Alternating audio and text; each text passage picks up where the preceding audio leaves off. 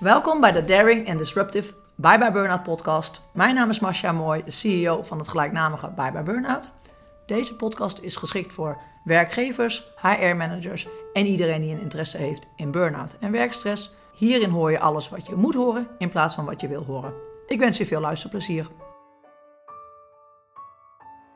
Een burn-out. Wat is dat eigenlijk?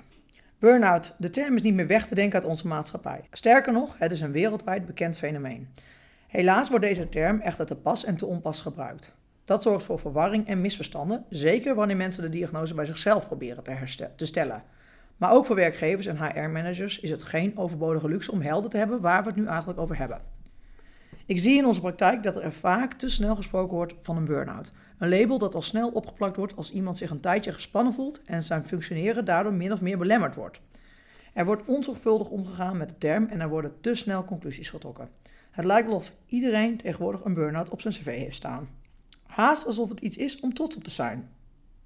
In veel gevallen is er echter sprake van overspannenheid of een andere stressgerelateerde aandoening. Daarom, wat is een burn-out nou precies? En in welke opzichten verschilt een burn-out van aandoeningen als overspannenheid en depressie? Hoe ontstaat een burn-out en hoe manifesteert die zich in iemands leven? Ik ga in op de oorzaak en op de verschillen tussen burn-out, overspannenheid en depressie. Want hoewel een deel van de klachten en symptomen vergelijkbaar zijn, verschillen met name de ernst en de duur van die klachten bij die aandoeningen. Ik begin met stress. Stress is een reactie op een bedreigende situatie. Vanuit ons oerinstinct reageren we op stress door te vechten, te vluchten of te verkrampen. Onze hersenen maken een stresshormoon aan, adrenaline en cortisol. En bij een vecht- of vluchtreactie wordt ons sympathische zenuwstelsel aangesproken.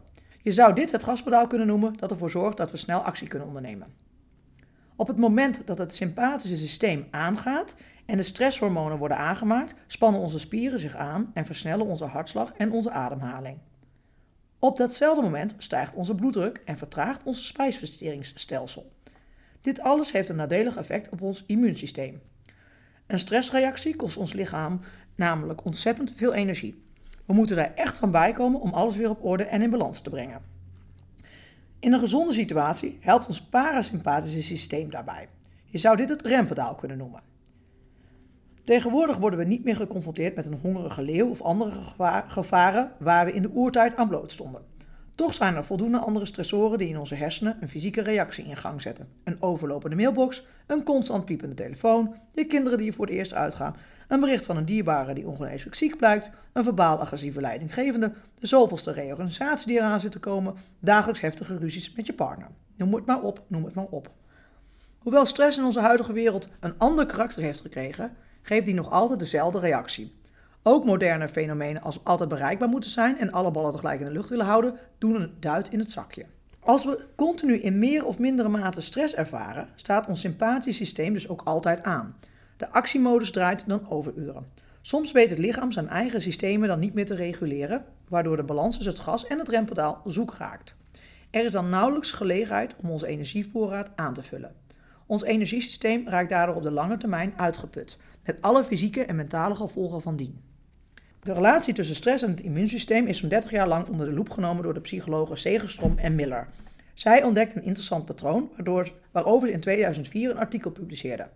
Samengevat zeggen ze eigenlijk dat als een stressfactor lijkt op de acute vecht- of vluchtsituaties waarmee ons evolutionaire voorouders werden geconfronteerd, dan de stressreactie het, het immuunsysteem versterkt als voorbereiding op mogelijke verwondingen en infecties.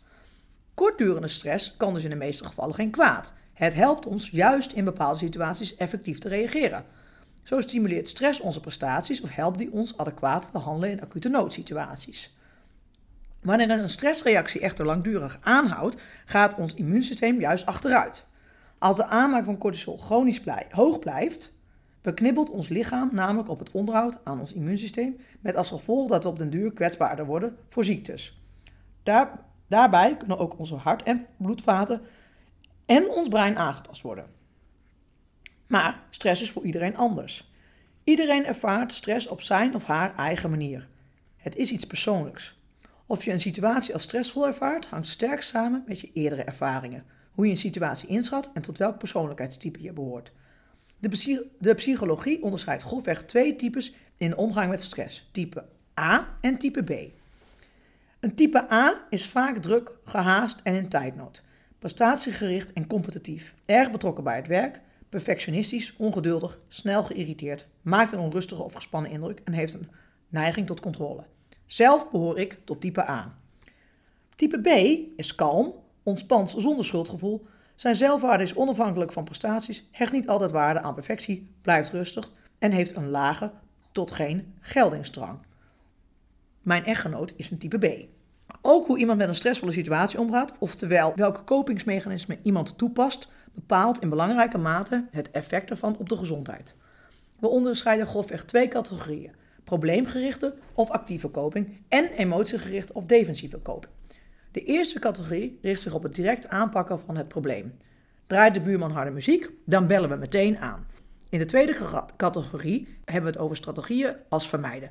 Zelf de deur uitgaan, ontkennen, ik hoor geen muziek en pogingen om onze emoties te beïnvloeden. Best leuke muziek eigenlijk van de buurman, zo erg is het niet. Mensen die problemen actief te lijf gaan vertonen nauwelijks een stressreactie. Defensieve koping leidt juist tot een grote en langdurigere stressreactie. Tot slot leidt sociale steun zowel tot een lager cortisolniveau als tot minder angst. Als we het over werkstress hebben, hoort bij een baan gewoonlijk een beetje stress. Meestal gaat het om kortdurende stress, die in het beste geval stimulerend werkt en in het ergste geval vanzelf weer overgaat. Ervaart iemand echter langdurige stress op het werk, dan spreken we van werkstress.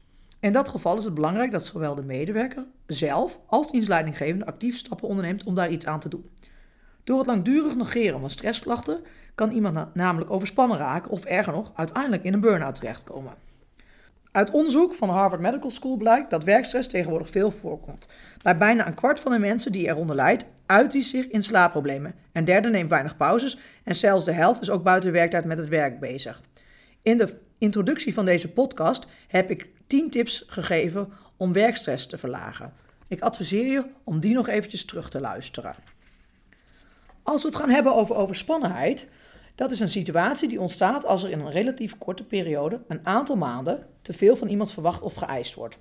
Er is dan sprake van een disbalans tussen draaglast en draagkracht. Oftewel, de belasting waarmee iemand moet dealen is groter dan die de persoon aan kan.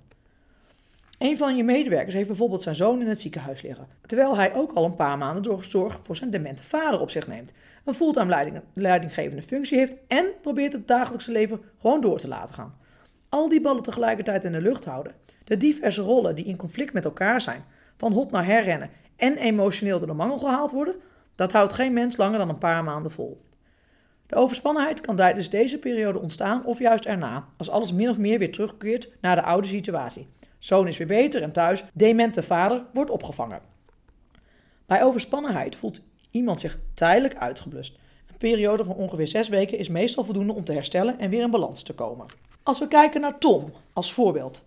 Tom is overspannen. Tom had de laatste tijd veel last van hoofdpijn en concentratieproblemen. Hij was regelmatig erg moe en had weinig energie om te werken of leuke dingen te doen. Tom was onrustig en werd steeds onzekerder. Hij herkende zichzelf op bepaalde momenten niet meer terug. Hij was altijd loyaal en een harde werker geweest, maar dat bleek momenteel lastig vol te houden. Dankzij een bezorgde leidinggevende trok Tom bijtijds aan de bel. Zijn klachten bleken typerend te zijn voor overspannenheid. Door op tijd professionele hulp in te schakelen van een coach kon een burn-out voorkomen worden. Tom leerde wat hem onzeker maakte, kreeg inzicht, en zijn ongezonde leefstijl en ontdekte kreeg inzicht in zijn ongezonde leefstijl en ontdekte dat hij al een tijd niet meer op de juiste plek in de organisatie zat. En uh, als we het gaan hebben over een burn-out. Een burn-out ontstaat wanneer iemand gedurende lange tijd te veel van zichzelf gevraagd heeft en jarenlang over zijn grenzen is gegaan. Vergelijk het maar met een accu waar heel intensief gebruik van is gemaakt en die langzaam leeg is gelopen zonder ooit opnieuw te zijn opgeladen. Die houdt er vanzelf een keer mee op. Aan een burn-out gaat een lange periode van stress en overbelasting vooraf, waar, waarbij iemand de signalen van het eigen lichaam niet heeft opgemerkt of gewoonweg heeft genegeerd. Signalen van overbelasting negeren doen we allemaal wel eens. Als we daarna de balans terugvinden, is er niet zoveel aan de hand. Ons lichaam en onze geest kunnen heel veel hebben. Door jarenlang roofbouw op jezelf te plegen, put je echter als het ware al je energievoorraden uit. Hierdoor raak je ook emotioneel sneller uit balans en kun je steeds minder aan. Uiteindelijk is er sprake van totale uitputting, zowel mentaal als fysiek. Dit gaat gepaard met serieuze uitvalsverschijnselen. Denk bijvoorbeeld aan concentratie- of geheugenproblemen. Deze worden veroorzaakt door de hippocampus, het deel van hersenen waar geheugenopslag en concentratie plaatsvinden, beschadigd is geraakt. Ook het niet of nauwelijks meer kunnen verdragen van prikkels hoort erbij. Net als de moeite.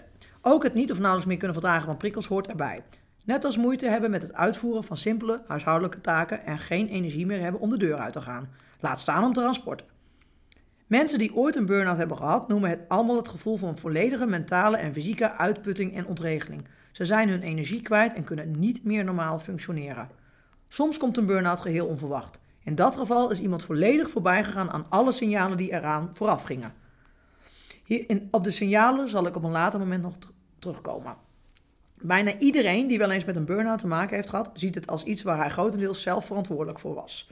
Toch erkennen deze mensen dat het de externe factoren in de werk- of privésferen waren die de emmer deed overlopen. Iedere burn-out kent een andere aanloop, maar de overbelasting heeft meestal jarenlang aangehouden. Daarom vergt het herstellen ervan veel langer dan dat van overspannenheid en soms wel meer dan een jaar. Het controleverlies dat gepaard gaat met een burn-out kan ook depressieve stemming en gedragsmatige en psychosomatische spanningsklachten uitlokken. De depressieve elementen als onderdeel van de burn-out zijn echter geen kenmerken van een depressie als een op zichzelf staande psychische stoornis. Het gaat om een normale, tijdelijke reactie op teleurstelling of verlies. Hier zijn nog altijd heel veel misverstanden over. Artsen schrijven bijvoorbeeld veel te vaak, onterecht, antidepressiva voor aan iemand die met een burn-out kampt. Andersom gebeurt het ook. Iemand heeft depressieve klachten, maar omdat hij ook veel werkstress ervaart, worden de klachten daaraan toegeschreven. Over het algemeen wordt een burn-out vooral veroorzaakt door werkomstandigheden en een depressie door privéomstandigheden. Een depressie geeft echt een ander ziektebeeld en vraagt om een andere aanpak dan een burn-out. Burn-out is een werkgerelateerde aandoening die voorkomt bij werknemers die gedurende een langere periode productief en zonder problemen hebben gewerkt op tevredenheid van zichzelf en anderen.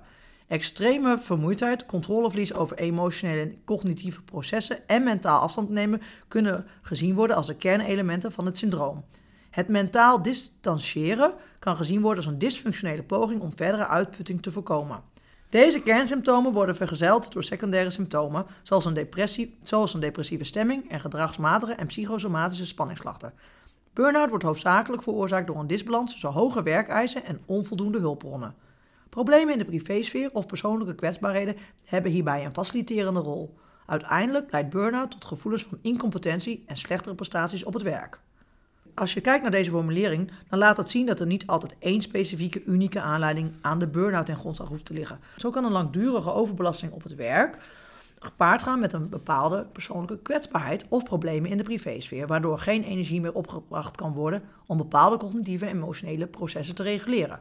Je zou kunnen zeggen dat het vermogen om cognitieve en emotionele processen te reguleren verstoord is.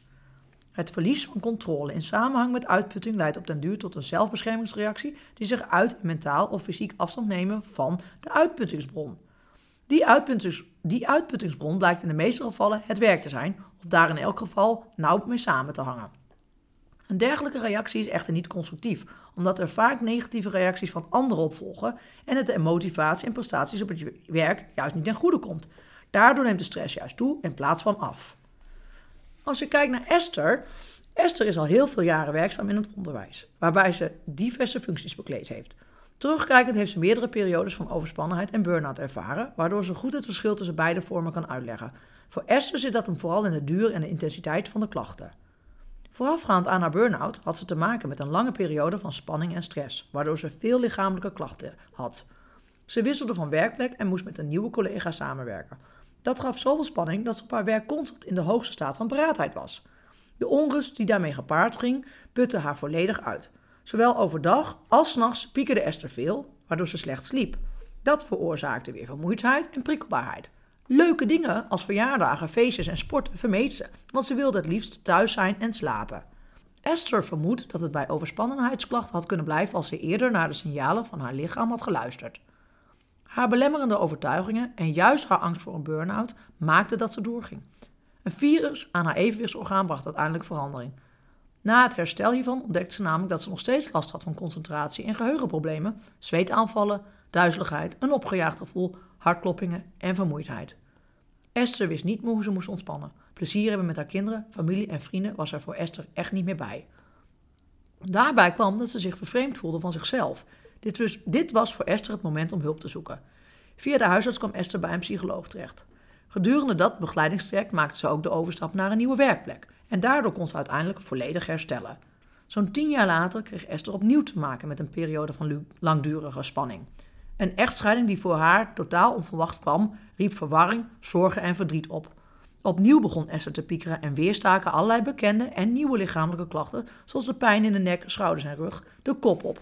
En wederom ontkende Esther de ernst van haar situatie, bang om opnieuw onderuit te gaan en er niet voor haar kinderen te kunnen zijn.